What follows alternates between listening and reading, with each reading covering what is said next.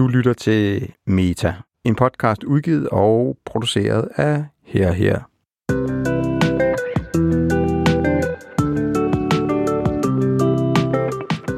Velkommen til Meta. Jeg hedder Anders Guldberg, og i dag der har jeg en episode, som handler om det fortællegreb eller stil, der hedder Broken Narrative. Det bliver ikke helt som det plejer. Øhm, jeg tror, du kender det godt, at du hører en podcast-episode, hvor du, som du tænker, den skal andre høre. Og det var faktisk det, der skete, da jeg hørte den her øh, podcast, som hed House Sounds i gamle dage, øh, School of Podcasting i dag. Men de havde lavet en episode, som hed Broken Narrative. Og lige sådan jeg har hørt den, har jeg brugt den ekstremt meget i alt fra interview-podcast til alt muligt andet. Så jeg gjorde det, jeg gik til tasterne, og så skrev til, øh, til folkene bag House Sound, Rob Rosenthal, om vi måtte bringe hele episoden her i Meta. Det har vi gjort for mange år siden. Øh, den er jo stadig aktuel, så i dag der genudgiver vi denne her episode fra podcasten School of Podcasting. Jeg kan sgu ikke huske, hvad den hedder. Den hed House Sounds i gamle dage, og det var et meget bedre navn. Nå, no more rant. Rigtig god fornøjelse med dagens episode.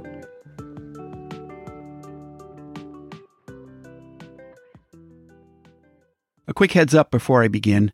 Uh, the story featured on this episode is about rape. It's a challenging story for sure, and some people may find it difficult listening. Okay, on with the show.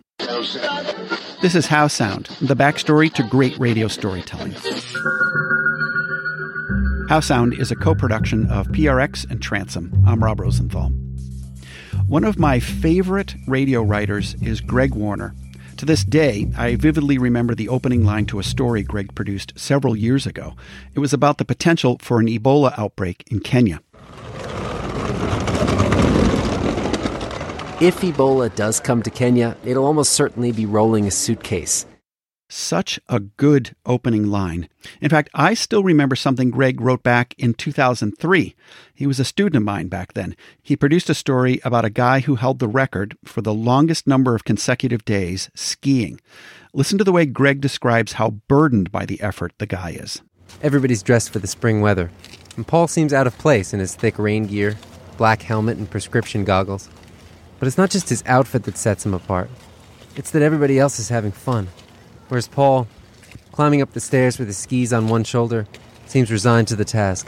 Sisyphus in a ski suit. Sisyphus in a ski suit. Huh. So economical, so clever. It's genius. Greg is a reporter for NPR. He was their East Africa correspondent for four years. Now he produces Rough Translation, which NPR describes as a podcast about how the things we're talking about here in the U.S. are talked about elsewhere in the world. Greg's writing is still top notch. Most recently, I noticed a writing sleight of hand he put to great use. It's a tricky maneuver. A less skilled writer can really make a mess of a story using it, but Greg pulls it off not just once, but several times in a rough translation episode called The Congo We Listen to.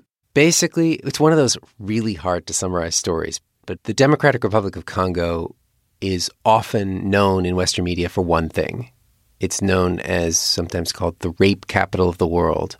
A rape is used as a weapon of war in the long running off again, on again conflict there.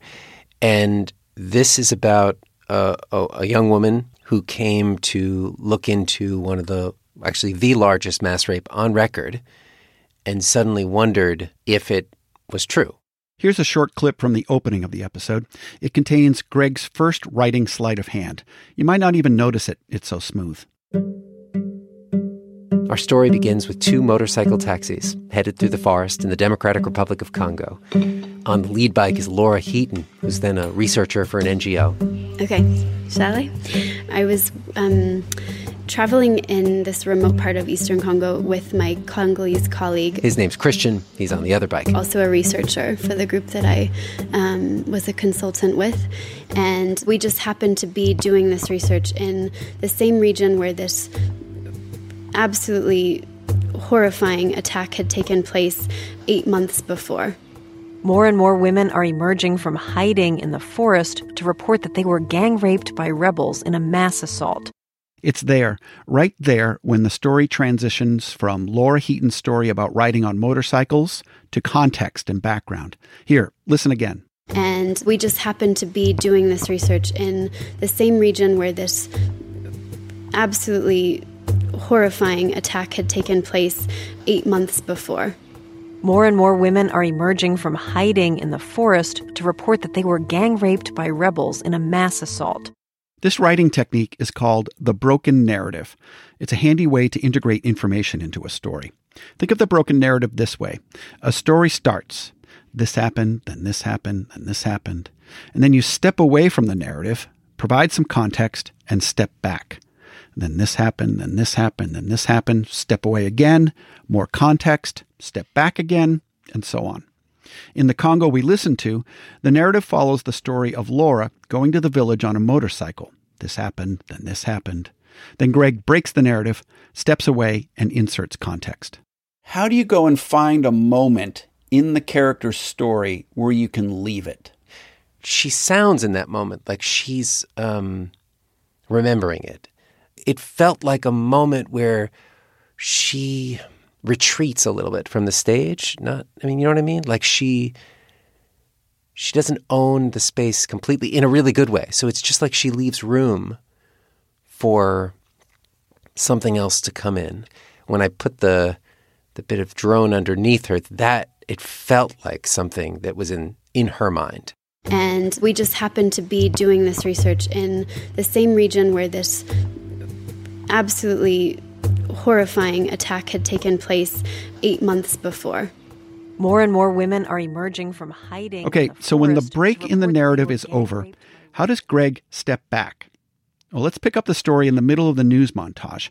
The montage followed by some more background, and then keep an ear out for how the narrative of Laura's journey picks up again. 300 armed men arrived in Luvungi, A renegade Rwandan militia occupy the accused of Congolese town of Luvungi. a village of 2,000 people. This attack happened in August 2010. In a small village called Luvungi, and over the course of four days, unacceptable brutalization of the population, Gang raping more than 150. raped more than 200 women and girls. The numbers, they were rising, rising, rising. The number of women now stands at 242. the numbers finally settled, according to the official UN report, at 387 rape survivors. It was the largest case of mass rape ever reported in eastern Congo. This is an incident that that placed Congo on the map, I think, even for Americans who hadn't really heard much about this conflict. What Laura wondered, reading this story, was what happened next? Was the community in a better place now? What had happened with all of these women? Did the international spotlight make any difference? There was this report in the Paris Match uh, magazine that was like all of these glossy pictures of these women looking totally depressed and sad, and these children standing next to them. And the headline was The Raped Women of Luvungi. Laura would stare at this photo into the eyes of these women, then behind them at the thatched huts of their village. She'd scanned the news for follow up stories about Luvungi, but didn't find any. And so we decided to, to go out there. We had time, we were relatively close. It was about an hour and a half to two hour motorbike ride. Another perfect handoff. That step back into the narrative away works because Greg takes the last thing he says, or almost the last thing he says, the name of the town, and connects it right back to her trip to that town. In other words, his steps away and steps back aren't leaps, they're just that steps. She'd scanned the news for follow up stories about the Luvungi, but didn't find any. And so we decided to to go out there. We had time. We were relatively close. It was about an hour and a half to two hour motorbike ride out of town. And I'll pick up the next section of the story in just a moment, but I'd like to return to the question I asked Greg earlier. At what point do you break the narrative? Now, in the first example, Greg said he liked the tone of her voice. That, in tandem with what she said, opened a door for stepping away. More frequently, a writer will break the narrative during action, preferably rising action, where things are getting tense. Or to put it another way, you leave the narrative at a point where the listener wants to know what happens next. They'll sit through other information, waiting to pick up the story again. Now, in the case of the Congo we listen to, Greg doesn't build rising action in the next section. He builds rising confusion, I'd say, and surprises. Here's a lengthy excerpt. It was just Christian on one bike and me on another. In a very risky road where nobody was passing. This is Christian, Christian Kilundu. And uh, anytime you could be ambushed by rebels. But she was not afraid. You get to Luvungi and it, it's like the market town in the area. As soon as we arrive, we're ushered into a hut with a thatched roof to sit with the village elders. And Laura had tons of questions. How is the village doing now? What sort of response came and sort of how the community is coping. But the elders ignore her questions. They simply say they've lined up women to tell again the story of the mass rape. We're getting them ready to speak to you. And we said, well, that's okay. We don't, in fact, need to do some sort of detailed interview with raped women. And they were like, well, we've already made the arrangement, and there are these three women. You know, you absolutely should talk to them. So she and Christian are led out of the hut. Yeah, yeah, yeah, yeah, yeah. I remember, I remember that time. And they cross the street to another hut. We were seated in the baraza. Called the baraza. You know, just in a traditional place where people always sit. There were some bench types of things. It's all set up for this kind of interview. They brought in one woman. We started interviewing. Laura pulls out her notebook. It was a very strange experience because we didn't ask a whole lot of questions, but we were getting all of this detail. Like, I remember she said where men were putting their hands. She said they kept putting their hands up into my stomach. But she said it was such a, there was just like a, a weird emotional connection that was sort of missing. So that interview ends. Another woman is escorted in. Laura turns to a fresh page in her notebook. And this time she doesn't even get to ask a question. The woman just starts right into a rape story faster than Christian can translate. I kind of thought most likely what it is is because these women have just told this story so many times, they're really desensitized to it. And when that woman's finished and a third interview starts and the same thing happens, Laura starts noticing in herself the very last thing that she expected to feel when she arrived here. It was doubt. Doubt. Something is amiss. It felt so insensitive and so confusing that I maybe would have just left it. Insensitive to whom? To the women, to somehow suggest that I didn't believe that story. And I was talking to my colleague, like once we were away from the elders and away from the women, I just said something like, that was a strange experience. Christian looks at her. He does not look confused or hesitant or awkward. He was furious. I, I, I thought that these women were trying to lie to us, you know. He thought they were lying, that they had not actually been raped. And he, being Congolese, I think, felt like he could ask these questions that I don't know that I would have ventured to ask. That night, back in the guest house in the main town, it's Christian who suggests that they might want to talk to the hotel proprietor. His name is Father Pascal. He is actually a Catholic priest. The guest house is on the compound of a Catholic church. He's Congolese, he's from the area, he knows everybody. So we went into Father Pascal's office, and he has a really round belly and his t shirt with a faded picture of the Virgin Mary on it and a big cross. And so Laura tells the priest, We had a very strange experience in Luvungi today. And this priest was like, Well, that's because the situation is not at all the way that it was reported. And that's when he started telling us very matter of factly that it, the story had been massively exaggerated. And do you remember what he said? Did he say that it was massively exaggerated, or was he? I mean, how did he say it? He started talking about the theater right from the beginning. It's like what you do when you're in theater and you need to convince someone of your character, and you you sh- you put on an act because the the white people wanted to meet the raped women. Okay, so that's a long swath of narrative following Laura's journey.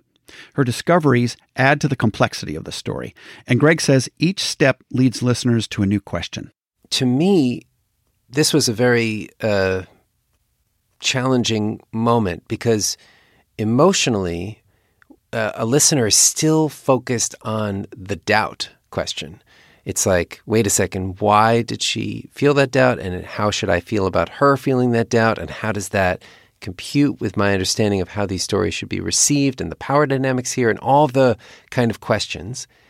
And then And then there's the just the sort of the reporting aspect of it, like, well, wait, what happened? If that didn't happen, well, what did happen? So there's that question. But then what this priest says is something really crucial to the entire story, which is that the Western representatives are implicated in this. As those questions pile up, arguably the listener wants answers, wants some resolution. Well, that allows Greg a chance to break from the narrative, step away, and answer one of those questions. Who are all these people that are coming to Luvungi? Western aid workers and journalists were focused on this huge crisis across eastern Congo. Sexual violence as a weapon of war. Weapon of rape in the Democratic Republic of Congo.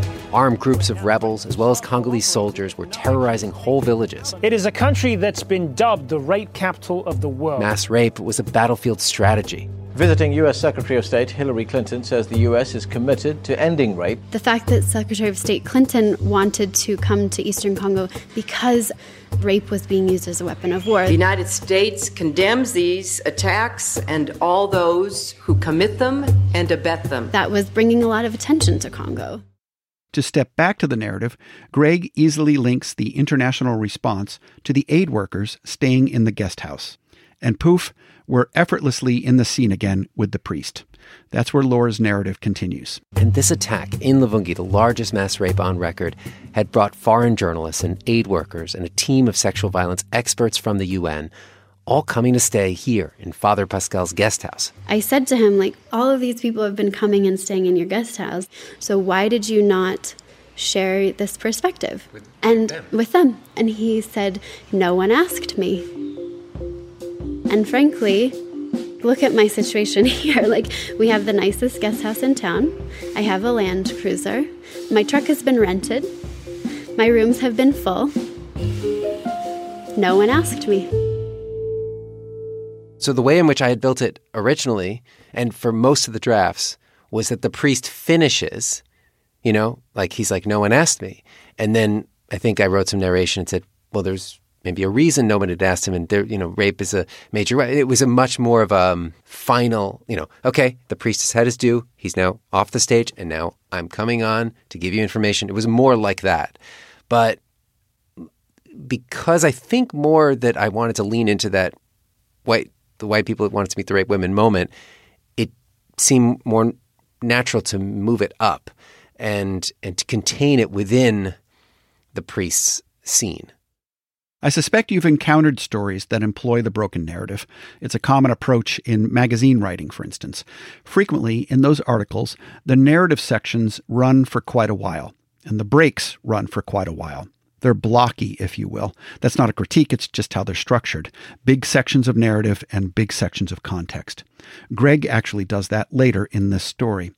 But what's clever about Greg's use of this technique in the examples we've listened to is that the breaks don't take very long. They're short. I mean, it feels like less of an interruption. It feels more like, okay, don't worry, I'm not going to fill your backpack with a bunch of rocks. I'm just giving you a little, like a sandwich and maybe just a, a little like granola bar. Just quickly, just throw it in there just in case you get hungry. Like, I'm not loading you up. I like your analogy about the, the rocks. What did you say? Rocks? I don't want to load you up with rocks in your backpack.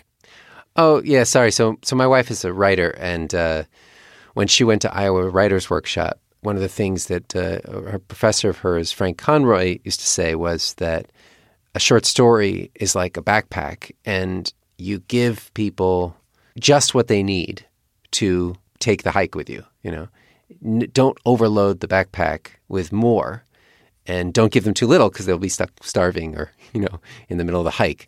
Um, just give them what they're going to need so that they can finish successfully. And so, yeah, that's that's my analogy. I think for information in a story. Huh.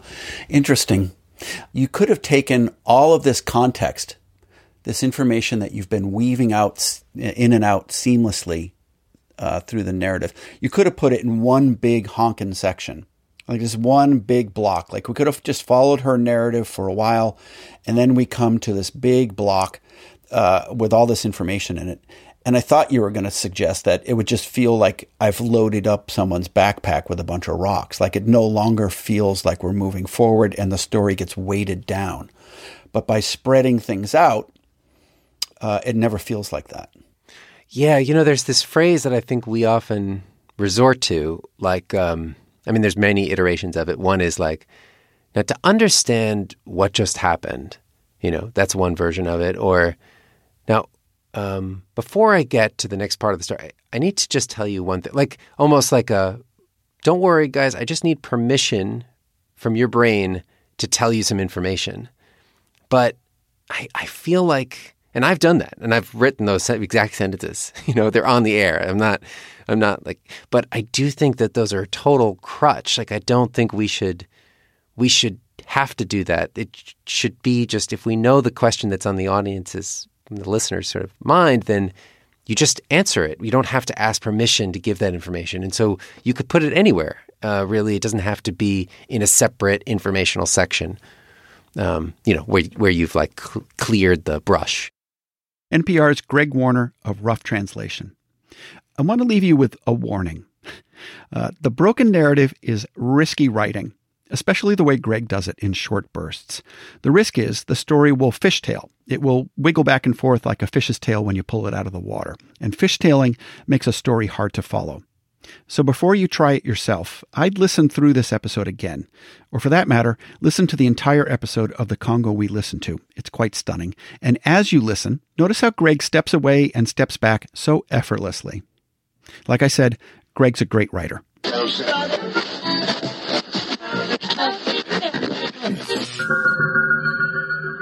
This season of Rough Translation recently wrapped up, seven solid episodes.